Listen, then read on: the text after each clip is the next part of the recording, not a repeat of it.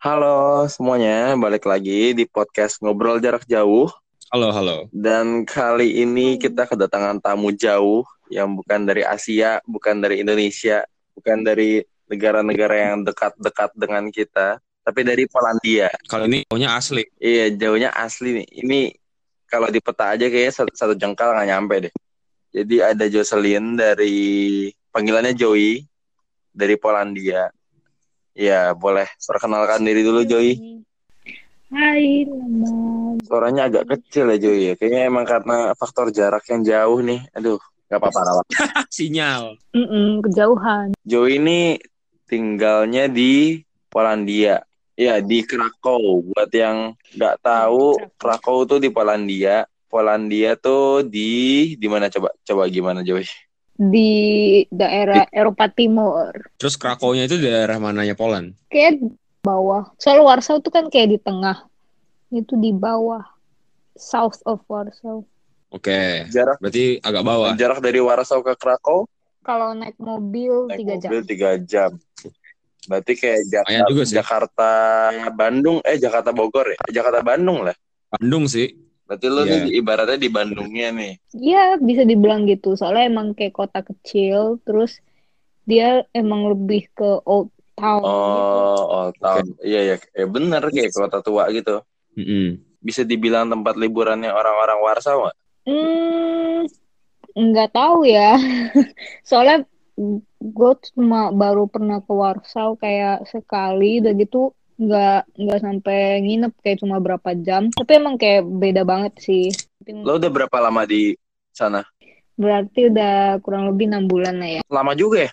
Lumayan. 6 bulan. Ntar tahun baru di situ. Iya, Tahun baru. Natal sama my birthday. Salju nggak sih di sana? Iya katanya Harusnya sih iya, bro. Desember bakal Wah, sabi banget sih. Ulang tahun iya, Asli. Christmas with snow. Christmas iya, salju iya, tahun baruan juga ada salju gila. Itu kayak dream banget gak sih kayak Enak banget tuh. Tapi yang bisa nonton di TV. dinginnya lu nggak nahan sumpah. Oh, paling rendah berapa? Katanya kalau salju sih ya pasti di bawah nol katanya. Oh. Dingin Nanti banget. akan- Sekarang aja kayaknya di bawah 10. Di bawah 10 gila. Dingin banget. Serius loh. Sekarang 8. Tapi lu dari udah dari Mei, udah dari Mei udah beradaptasi lah ya kayaknya sama cuaca kalau soal cuaca ya. Kemarin pas Mei itu masih summer di sini. Summer sih gila panas kayak Jakarta ya, kayak 30-an juga. Oh. Oh, Ya, mirip-mirip. sekali dinginnya langsung mati banget ya. Iya, kayak baru kali ini ngalamin pakai pakaian itu kayak sampai empat kali, empat maksudnya empat lapis. Udah gitu gerak tuh susah banget. Gue tahu sih penderitaan lo. Tahu ya? Tahu. Gue juga dulu di luar. Nah, jadi juga karena itu gue juga sama Yoel penasaran juga. Misalnya gue kan tahu penderitaan-penderitaan di, tinggal di luar Indonesia gitu lah. Mhm. Dan em, awalnya mulai podcast ini tuh dari dari situ gitu loh. Mhm. Itu yang pengen kita kulik sebenarnya sih. Iya, jadi kita langsung Oke. jump in ke beberapa questions ya, jump in ke beberapa per- pertanyaan. Yang pertama tuh gimana sih lu ngerasain kayak culture shock gitu nggak sih selama lu berada di sana? Kayak lu dari dari Indo nih, terus lu ke Krakow, lu ngerasain perbedaan yang drastis Mhm. banget nggak sih? Terus lu kaget gitu, bukan bukan kangen Indo ya, tapi kayak kayak lebih ke culture shocknya lu kaget sama orang-orangnya, sama cara orang berkomunikasinya. Hmm, menurut gua, gua sendiri orangnya kayak eh, pretty resilient ya. Sejauh ini sih dari semua pengalaman yang udah gua alamin, gua nggak pernah ngerasa yang kayak, aduh, gue pengen banget balik ke Indo. Nggak ada gitu sejauh ini. Maksudnya kayak kangen sih makanan Indo, cuma di sini tuh orang-orangnya lebih gimana ya, cultured, jadi lebih ke culture lega daripada culture shock. Oke. Ngerti gak? Term baru nih hari ini. gue emang yang udah ham- pernah hampir dicopet itu kaget sih Jambir tahu copet sih dia- gimana gimana coba? nggak tahu sih dia itu mau jambret atau mau copet tapi dia ngikutin gue pulang gitu Anjrit Oh. serem banget. iya jadi gue lagi jalan kan terus tiba-tiba gue kayak nyadar tuh ada yang ngeliatin terus orangnya lagi di Wah. di atas sepeda terus dia itu Mampus. ngeliatin Lu gue jalan kaki. gue jalan kaki dia tuh ngeliatin gue terus ngeliat HP terus lihat gua terus lihat HP gitu kayak kayak lagi ngecek sesuatu gitu. Oh. gue kayak Oh, bingung kan Terus? bingung kan nih orang ngapain sih gitu. Terus eh, gue nyebrang nih. Terus gue lihat belakang dia tuh masih ngeliatin gue gitu. Gue kayak nih orang freak banget gitu Nah, kan. terus? Heeh. ya udahlah gue jalan aja gue jalan. Terus gue lihat belakang dia itu pelan pelan naik eh, apa naik sepeda kayak ngejauh gitu tapi masih ngeliatin gue Oh. terus gue pikir oh ya udah dia udah pergi. Terus gue Oke, oke. Belok nih dari blok terus gue lihat belakang ternyata dia udah balik arah lagi Oh. apa naik sepeda ke arah gue gitu gue panik Serem dong banget. gue Hmm. panik dong terus gue jalan makin cepet terus gue udah di depan building apartemen nih Mm-mm. gue liat ke Iya. belakang oh ya udah dia udah nggak ada terus gue lagi texting orang kayak gue bilang ada yang ngikutin gue tapi gue nggak tahu nih gitu Iya. terus gue liat belakang dia di situ gitu di mana? Najis. Serius Najis loh. dia, dia di belakang dia di belakang gue gitu terus yaudah gue nggak jadi masuk kan gue kayak gue nggak mau dia tahu gue tinggal di mana Mm. gitu itu gue Mm. nyebrang gue ke apartemen di seberang gue berdiri di situ Eh, jadi ini kayak kompleks apartemen di tengah-tengah itu ada park kayak gitulah kayak tempat duduk Oh iya. ha, ha. jadi gue kayak nyebrang dikit doang gitu kayak nyebrang park terus sampai ke apartemen seberang jadi di Oke. parknya itu kan eh, bentuknya kayak persegi Iya. persegi jadi dia di di daerah jalannya itu dia muter-muter kayak eh, Oh, muter-muterin daerah situ gitu Nyari. tapi tetap lo ngeliatin gitu. gua Oh gitu. tetap. Oh Heeh. kayak stalker gitu. ya semacam itulah terus gue kayak makin takut kan ya udah gue duduk nih di tengah-tengah eh, parknya Mhm. biar kalau misalnya dia apa-apain gue kan gue di tengah-tengah nih gitu kayak ntar, ntar orang lain bisa lihat gitu Iya. Oke. dia masih keliling-keliling masih ngeliatin gue gitu kan gue makin lama makin takut terus nggak berapa lama teman gue bilang udah lu masuk aja gitu masuk aja ke apartemen dia nggak mungkin bisa masuk Hmm. terus ya udah akhirnya gue masuk ke dalam terus besoknya pas gue keluar ada kayak eh, nenek-nenek gitu manggil gue Iya. dia bilang "Eh, kemarin tuh kayaknya kamu tuh hampir dicopet gara-gara kayak gue tuh main HP gitu Oh. Hmm. dia bilang lain kali hati-hati kemarin tuh dia dia ngusir tuh si orang aneh itu dia bilang pas gue masuk dia teriakin tuh orang dia bilang lu ngapain di sini gitu terus orang kabur Iya baik Iya. baik juga sih membantu. Eh, Tapi lu nggak telepon nggak nggak inisiasi pingin nelpon polisi gitu apa segala? hmm, gimana ya kayak gue mau ngomong sama orang-orang di sini juga susah mereka nggak bisa ngomong bahasa Inggris gitu Oh. Oh gitu. Iya itu. jarang banget yang bisa ngomong bahasa Inggris karena gue kan tinggalnya di Krakow which is like old town dan gitu gue tinggalnya bukan di tengah kota jadi di, Suburb gitu. bener-bener di pinggir lah gitu Mm-mm, Oh. Oke, Nah menarik. itu yang ya, yang di sini gue penasaran tuh yang kita gue sama Rexi penasaran kayak gue sama Rexi sempet kan di podcast tuh ngobrol kayak Rexi di Jepang gimana sih di sana tuh susah. Tapi Rexi tuh tergolong lancar ngomong bahasa Jepang. Seenggaknya oh, conversational oke. lah. Nah lu nih eh, gimana cara lu tuh nyesuaiin diri? Kan lu nyampe sana. Kalau kayak soal suhu atau Mhm. apa ya itu about kayak ya dari tubuh sendiri lah. Tubuh lu nyesuaiin sama Mhm. paling pakaian segala macam coat. Nah tapi kalau kayak ya itu lu ketemu nenek-nenek lu berinteraksi ngobrol sana sini beli makan.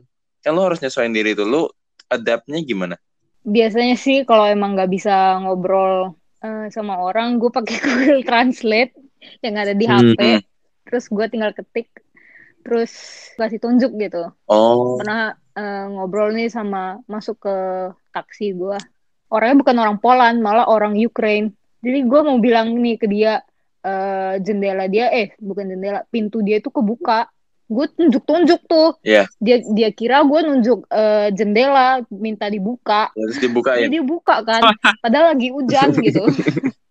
Dan gue Oke. duduk persis di belakang dia. Jadi gue basah dong. Terus gue bilang- oh. terus akhirnya gue ketik nih di Google Translate. Gue bilang pintunya kebuka. Oke. Oh terus akhirnya baru dia tutup kan. Tapi dia ngerti bahasa Poland Polski ya? Heeh. ternyata dia ngerti-ngerti dikit karena dia kan eh, supir taksi. ya harus tapi ngerti lah. bahasa Inggris juga dia nggak bisa kan. Terus akhirnya dia kayak ngomong bahasa Inggris dengan beberapa kata yang dia tahu dia cuma nanya where are you from Udah gitu dia bilang I love you. Ya ampun. Hancur. Berarti orang-orang Tembak taksir. soalnya jujur ya. Eh taksir lagi Atau- tembak Gue taksi. gue soalnya dulu kan zaman zamannya Piala Dunia gitu tuh kalau ngeliat orang Poland tuh kayak ya memang menarik sih. Cuman kayak mereka mungkin seleranya nggak sesama orang Poland tapi lebih ke orang Asia ya. Mereka ngeliat orang Asia kayak jarang gitu kan di sana. Iya, gue sih di sini ya diliatin mulu ya. Iya makanya kayak nggak heran gitu loh lu dilihat apa mungkin mereka tuh jarang gitu ngeliat Asia tuh kayak orang Asia tuh makhluk langka gitu kayaknya. Apalagi lu di Krakow di desa gitu nggak sih? Iya, Suburb. kalau di Warsaw kan juga sih, maksudnya dia old town cuma nggak Kayak desa old juga. nggak kayak lu waktu di Jepang lah Rex, desa. Anjir, gue juga nggak desa banget sih bro. Nah terus kalau dari Iya, gitu. nyesuaiin diri nih kan lo udah ngerasa nih, oh oke lah gitu maksudnya lo tahu buat bahasa terbantu banget sama Google Translate misalnya. Tapi ada nggak sih Mhm. kayak eh, culture-culture yang lo pelajari? Aduh kalau di Indonesia ini eh, boleh, di sana nggak boleh, atau kebalikan di Indonesia nggak boleh, di sana biasa aja gitu. Jadi mungkin maksudnya itu adalah kayak Mungkin- cara pikir orang Indo kan ya lu tahu sendiri lah. Dan Ya, sekarang lu bener-bener nyerang gitu loh ke negara yang sangat berbeda dengan negara Indonesia. Itu maksudnya mindset mindset orang di sana, cara pikir orang di situ sama orang Indo tuh kan beda. Cara lu adaptasinya gimana? ya, gue sih kayak lebih ke ngelihat positifnya dari cara pikir Asia itu kayak gimana, mm-mm. terus positifnya dari orang-orang di sini tuh gimana gitu. Oh ya tuh. Contohnya tuh kayak eh, di sini tuh mereka umur 25 kayak yang sekarang lagi lagi dibicarain banget tuh yang kayak orang umur 25 itu udah harus punya rumah, udah harus punya istri, udah harus punya semuanya gitu. Di sini tuh enggak, di sini tuh mereka bener-bener kayak fokus buat ngembangin diri dan enggak gitu ter terpressure kali ya menurut gua. Oh, Mereka aja umur kayak 30-an gitu baru nikah, punya anak tuh Hmm. baru umur 40-an. nggak gengsian Serius? berarti ya? Enggak, enggak gengsi. Iya, soalnya kan kalau di Indonesia tuh kayak- gara-gara gengsi doang. Mm-mm. Bener sih.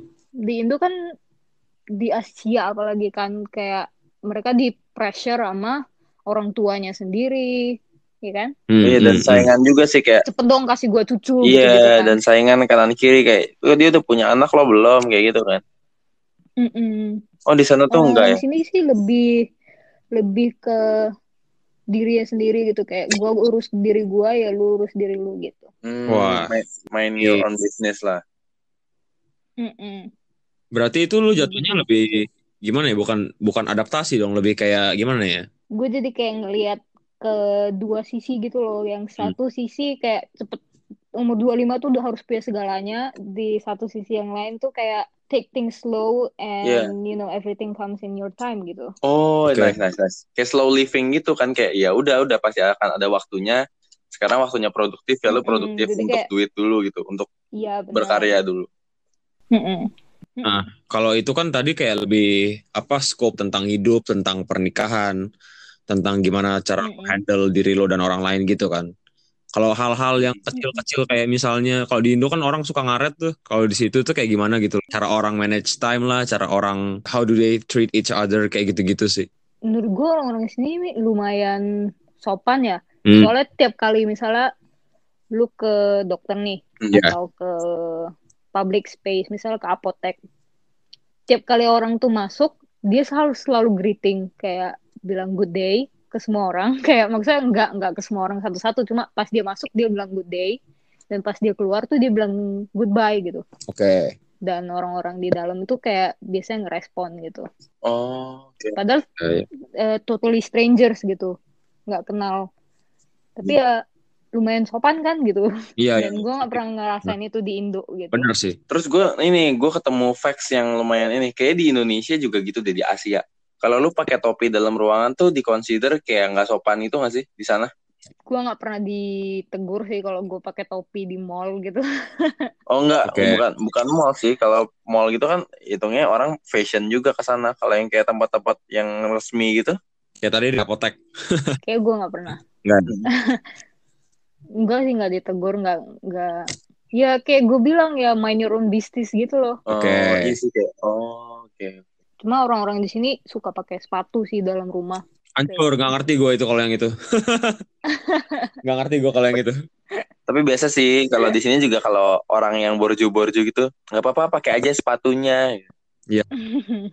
Nah, tapi kalau gue pengen bandingin dikit sih sama Jepang sih. Kalau di Jepang kan lebih kalau eh, enggak salah, kalau di lo kan tadi lebih kayak mind your own business gitu ya. Gue bukan mau kasar sih, tapi cuman kalau kayak orang Jepang tuh kurang kurang menerima apa namanya? kurang menerima foreigner gitu loh. Enggak kebanyakan Hmm. sih. Kayak tingkah lu aneh dikit aja mereka tuh kayak udah pelototin lo gitu-gitu sih. Langsung diliatin sini. Pernah sih. terjadi nggak kalau? Eh, gue pernah kayak diajak ngomong gitu sama orang. Eh, dia kayak mau ngomong bahasa Poland. Cuma gue nggak ngerti kan ya. Gue cuma bilang, hah, what, sorry gitu. Terus dia langsung kayak sebel gitu kayak, Offended. terus langsung pergi gitu. Heeh. Terus gue kayak, salah gue apa Ya gitu. Mungkin dia mikir kayak lu di tanah gua ya lu harus bisa Iya, iya. bahasa gua gitu gak sih? Nggak, gue nggak tahu. Baru kali itu sih. Tapi ya kayak cuma sekali itu doang. Sisanya orang-orang lain kayak Hmm. masih ramah-ramah sih. Hmm, oke oke paham paham. Berarti kalau dari kayak culture literasi segala jauh apa ya? Bisa dibilang ya yang English speaking dikit lah, gak banyak banyak banget. Lumayan dikit. mm-mm. Jadi ya mau gak mau lu harus ngomong Soalnya kan bahasa juga- bahasa mereka gitu. Kayak lu juga Rex harus ngomong bahasa Jepang. Iya, gue ngerti gitu. Maksudnya makanya gue penasaran juga lumayan kayak dia di situ gitu juga nggak Tapi gue gitu loh. susah gitu loh bahasa sini tuh literally susah banget. Dia ada huruf-huruf Kebayang sih. huruf-huruf yang kita nggak punya dan cara ngomongnya tuh literally beda. Misalnya L yang ada garis itu tuh bacanya W, Oke. Ya Allah, oke? Terus gimana tuh nyebrang banget anjir. terus W bacanya V, Asli. ada C sama Z, ada S sama Z, Oh iya iya iya iya. ada eh ribet deh, dia ribet. Oh iya ya kayak Rusia. eh tapi lu deket ke Jerman dong ya? Jadi kalau misalnya eh, lumayan kayak kalau mau ke Berlin naik mobil tuh 5 jam. Oh deket juga. Deket Hancur. ke Jerman berarti iya iya, sama. Negara-negara yang ngomongnya ribet sampai kayak muncrat-muncrat gitu ludahnya. Bahasa kumur-kumur. Negara Hmm. Listerin. Tapi eh setidaknya kayak gue udah mulai paham sikit-sikit gitu lah kayak misalnya mau pesan sesuatu mau yang size besar apa size kecil tuh gue masih ngerti Hmm. gitu kayak mau ya maduze mak ya ribet gitu. Selain dari itu ya enggak enggak susah. Oke. Nah, kan tadi kita udah ngomongin kayak di situ Hmm. bedanya apa, susah-susahnya, enak-enaknya itu. Mhm. Terus kayak ada nggak sih hal-hal walaupun lu di situ enak-enak, ada nggak sih hal yang lu kangenin dari Indonesia lah?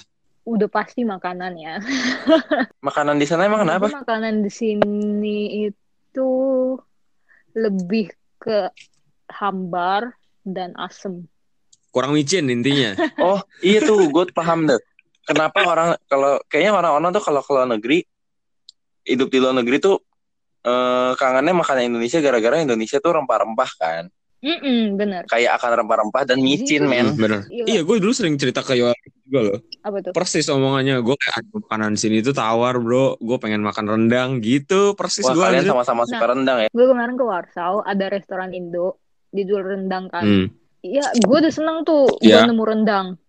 Tapi pas dimakan juga ya kurang gitu karena dia juga nggak punya rempah kan. Karena di sini tuh rempah-rempah Indo tuh susah banget. Lu suka rendang juga bro? Wah, kita bertiga suka rendang semua cuy. nih? Rendang tuh nomor satu bangsa cuy. Mata rendang gengs. Oke, yang pertama berarti kangen banget makanan tuh. ya. Ada lagi nggak? Ya kangen temen sama keluarga udah pasti kan. Hmm, iya Dan kangen ngomong Indo Oke. juga sih. Oh iya lu di sana nggak bisa ngomong Indo ya? Iya enggak, mau ngomong sama siapa? Iya ya ngomong Indo kagak ada yang ngerti bener juga. Ternyata alibi ingin masuk podcast ngobrol jarak jauh adalah supaya bisa Gak ngomong bisa Indo. ngomong Indo lagi. Oke siap. kangen, kangen. Menurut lu nih, eh kalau apa ya namanya?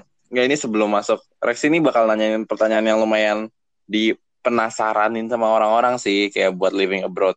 Tapi kalau gue nih penasarannya, Mhm. eh, lu kan memilih untuk tinggal di sana untuk jangka waktu yang lama nih, masih sampai future gitu. Dalam Mhm. tiga bulan pertama tuh nggak tahu ya kalau gue kan bilangnya kalau kerja tuh probation. Kalau lu selama tinggal di sana tiga bulan pertama hambatan apa sih selain bahasa yang lu paling susah banget buat adapt? Mungkin ngerasa lonely kali ya. Karena kan jauh dari teman-teman yang biasa, terus mm, jauh dari keluarga, meskipun ya sering video call ya, tapi kan tetap ngerasa jauh kan karena waktunya juga beda, terus bedanya lumayan lama kan 5 sampai 6 jam. Hmm. Terus ngeliatin story-story temen yang di Indo itu Waduh. itu tuh kayak Gua FOMO paham, gitu gua paham betul itu rasanya. Iya sih kayak Kayak- FOMO juga Terus awal-awal. lanjut. Mereka story eh, makan inilah makan itulah gue gue kayak ngiler sendiri gitu terus kayak ada tempat yang baru Iya. buka kayak gue baru keluar Indo tuh Singputang lagi lagi apa hype hype nya gue nggak bisa Di sana nyobain. boba, di sana Iya. boba bodo amat ya. Nggak ada yang peduli boba ya. gue jarang banget lihat boba Wah oke. Kayaknya gua bahagia di Poland sih. res- Asian restoran yang ada itu cuma kayak ngejual makanan Jepang, makanan Vietnam. Udah yang kayak gitu-gitu doang, yang kayak udon tapi rasanya nggak kayak udon, ramen yang entah kayak gimana. You know, Oh. kayak cita rasanya itu nggak di situ, meskipun mereka mencoba Oke. karena kan di kita bener-bener beda lah gitu KFC-nya aja Iya. nggak enak tau nggak KFC Tawar ya. Kayak makan ayam belum Asli dibumbuin. persis. sumpah kayak Kayak makan ayam belum dibumbuin. mm-mm, kayak Persis Kurang di gitu. Jepang juga gitu. kurang gitu Kayaknya karena lidah Indonesia. Iya karena lidah pedes. Indonesia yang terbiasa. Mm-mm. Lidah Fix Indonesia yang udah terbiasa sama sambel ya kan. Bon cabe. Iya. gue Oh, satu lagi. ke sini cuma bawa kecap Satu lagi, gue gue kan selama di Jepang juga gue kayak ke fast food chain restoran gitu, Mhm. KFC, McDonald's, tuh nggak ada nasi, iya nggak ada. Nggak ada ya? ya kalau di KFC sama McDonald's sih nggak ada. Bahkan ayam. Kalau di, ayam di McD aja nggak ada. Nah oke itu itu yang gue pengen klarifikasikan, karena gue di Jepang juga gitu bro, kayak iya cuman ada. burger doang karena makan kentang, Heeh, burger kentang. Nugget mentok-mentok. Oh Dia iya iya sih iya. ayam nugget. ayam nugget iya ayam nugget doang Terus lu nyari nasi di mana? Atau atau sekarang lu udah terbiasa nggak makan nasi di Poland? gue nemu restoran Korea mereka ada jual eh, nasi sih jadi kayak lu makan hot pot gitu sama nasi jadi ya Oh, itu juga nggak apa-apa sih hmm. kalau nggak makan nasi sebenarnya di Indo juga gue nggak makan nasi entah kenapa ya. Gue bingungnya tuh kayak di negara mana pun ya. Gue waktu misalnya kayak ke Aussie gitu. Yang jual nasi, makanan-makanan yang khas rempah, khas Asia banget itu tuh pasti eh, Kmart gitu loh. Korean restaurant, Korean market. Berarti di sana juga kayak gitu ya? Nggak jauh beda lah ya. tapi sebenarnya mereka ada jual jual eh, nasi sih gitu tapi nasinya tuh dijual di box tau nggak bukan di goni kayak di Indo Bukan di karung. Oh. Box, di box kayak box pasta gitu Terus isinya nasi buat Serius? sekali makan. Isinya eh, ada tiga kantong plastik nasi Oh. Lu pernah nyoba coba kantong masak? plastik. Pernah. Gue gue masak itu jadiin nasi goreng. Iya basic survival skill ya. Nasi goreng dan Iya, telur gitu ceplok. deh. makanya dia bawa kecap bro. Iya, kecap Ih, kecap is the best. di sana nyari Yoi. kecap susah. Kecap bangu, nggak ada kecap. Maksudnya mungkin ada kali ya di di uh, Asian Warsaw. Supermarket, tapi gua rasa nggak bakal nggak bisa ngalahin bango deh. Hmm. Dan yang pasti nggak ada yang bisa ngalahin Indomie, coy. Di mana pun berada. Oh bawa nggak lu? Di sini ada jual Indomie kok. Oh, berapa duit? kayak kemarin gue beli yang ini tuh 2,5 zote which means kali 4 berapa tuh 2,5 kali 4 10 ribu kira-kira segitu Indomie Serius? sepuluh ribu Masih di. Jakarta dapat sepuluh ya Indomie sepuluh ribu enggak deh enggak enggak enggak lebay lebay Mahalan di Jepang, di Jepang satu bungkus dua puluh ribu kalau dirupiahin. Buset. gila. mohon maaf Iya itu serius. di Jakarta dapat Yoshinoya seporsi diskon Tapi tapi gue nggak pernah beli. Gue di situ selalu bawa dari Indo sih. Karena gue Oh. tahu di situ mahal dan, dan Oh. maksudnya I can still survive without Indomie gitu loh. terus kayaknya lu bisa resell Indomie Asli teman gue tuh ada yang gitu. Juragan anjrit. Jadi dia tuh jualan ke teman-teman Vietnamnya, ke teman-temannya yang dari Eropa gitu-gitu serius. tapi Indomie di sini juga rasanya kurang sih jujur Iya, Indomie Jepang ke teman gue juga bilang kayak hambar gitu. emang lah Indo the best Ya gitu lah Indonesia best makanan. makanan. Iya. Berarti buat orang-orang yang pengen keluar negeri keluar negeri, ingat dan percayalah makanan Indonesia tuh udah paling paling enak kayak makan Asia Bener, sih bener. memang. Kayak Makanan Asian Asia. food yang dibikin di Asia. Kayak orang-orang di sini tuh di Jakarta tuh kan sa- sangat mendewa-dewakan makanan Jepang gitu nggak sih kayak tren hype-nya tuh awal-awal Hmm. pas kita SMA gitu loh. Iya. Kayak ramen di mana-mana terus Yoshinoya, Sukiya bertebaran gak sih? Hmm. Kalau Poland tuh makanan khasnya apa sih? Kan dari tadi kita ba- bahas makanannya kayak Asian Asian juga. Kalau Poland Eh, mereka di sini ada yang namanya pierogi, which is basically kayak gyoza, cuma dalamnya itu keju sama eh gue juga nggak tahu kayak keju, udah keju doang gitu, jadi kayak asem hambar, gue nggak suka. Terus di Iya, iya. sini mereka punya banyak sup. Ada sup yang pakai beetroot jadi warna pink lucu. Terus ada Hambar juga. Ya, itu lumayan lah as- asin gitu. Cuma ya nggak kayak soto Indo kan. wah gila Iya, soto Indo santan sih santan kuncinya. Gue baru makan soto. Santan. tadi. Anjir, Maaf ya. bikin gue nangis ya. Ada lagi? Makanannya gitu. Ada yang kayak daging digulung dalam cabbage yang di steam, terus pakai kuah Kayak gue pernah lihat tuh. tomat. Tahu gak? Pakai kuah tomat gitu. Gak tahu namanya apa tapi. Aduh, gue juga lupa namanya apa. oh, go. Yang itu enak? namanya makan gowomki. kenyang. Namanya Oh. Bawongki. gowomki. Tulisannya G Gowongki. O L yang ada garisnya, A ada garisnya di bawah, B K I. Bacanya gowomki. Mati gak lu? Oh, Gowongki. Iya, anggap aja gue ngerti lah. Ngerti kan? Mau makan aja ribet bener ya. Udahlah makanan Indonesia tuh Iya. paling the best. Makanya kangen, paling kangen tuh kalau di luar negeri pasti paling kangen makanan Indonesia. Iya, betul. Nah, dari tadi tuh ya gitu kayak kan lu udah cerita panjang lebar nih, makan Hmm. dari segi makanan, dari usaha-usaha lu. Hmm, dari segi hampir Dan- kecopet. Hampir kecopet banget asli. Gue dengerinnya merinding deh. Ada nggak lu kayak mungkin lu mau ngasih motivasi, ngasih saran-saran buat orang-orang yang kayak mau keluar negeri juga tapi kayak takut atau mungkin ya gitulah eh, buka pikiran mereka gitu loh. Ada nggak? Iya, bukan liburan loh ya. Kayak bener-bener hidup sendiri di luar negeri. Iya iya. Merantau lah. Merantau. Jatuhnya hidup di luar negeri. Ya, menurut gue ya kuatin diri. Kayak ya being alone, terus literally out of your element, it will really test you, but at least you will get to know yourself better. Oke, Nice. iya. Bagus banget sih. Cuma ada ada sisi positif, ada sisi negatif kan. Iya. Mm-mm. Ya positifnya sekarang gue lebih menghargai makanan Indo. Fix. Sabi. Walaupun cuma bisa lihat di Instastory. Sama ngeliatin resep-resep udah gitu nggak bisa bikin soalnya rempah-rempahnya nggak ada. iya sih. Makanya gue tuh kadang kalau iya ya ketumbar kemiri gitu langka banget ternyata di sana ya. Mm-mm. Terus kalau misalnya ada orang nih eh, pengen pengen hidup di luar negeri sendiri, menurut lo apa yang harus di prepare? Rempah-rempah Indo. Waduh. Eh, mohon maaf nih selain Indomie, selain makanan nih topiknya. ya. Selain in- Sorry, selain sorry. tadi kan lu udah bilang mental, terus rempah-rempah Hmm. ya Indomie ya, kecap, sambel, bon cabe, garam Gua nggak lada. bawa sambel gila gua gua nyesel banget gua nggak bawa sambel beli bis tau nggak Wah, sambel Gimana tuh. caranya lu keluar negeri ke Poland ke negara barat nggak bawa sambel bro? itu. How?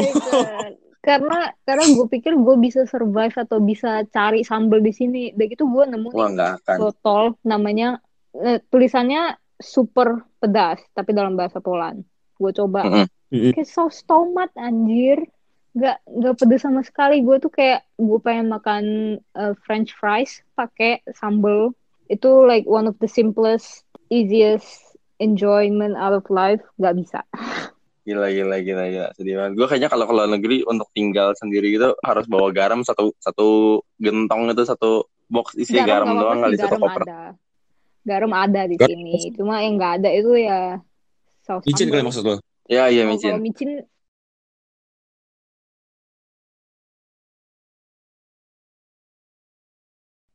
Iya balik lagi tadi selain makanannya ini jadi aduh di makanan jadi lapar jam segini di Indo nih jam 12 Lagi. ini by the time of this recording. Ini kita ngerekaman malam banget bro btw. Iya pengen Indomie ini.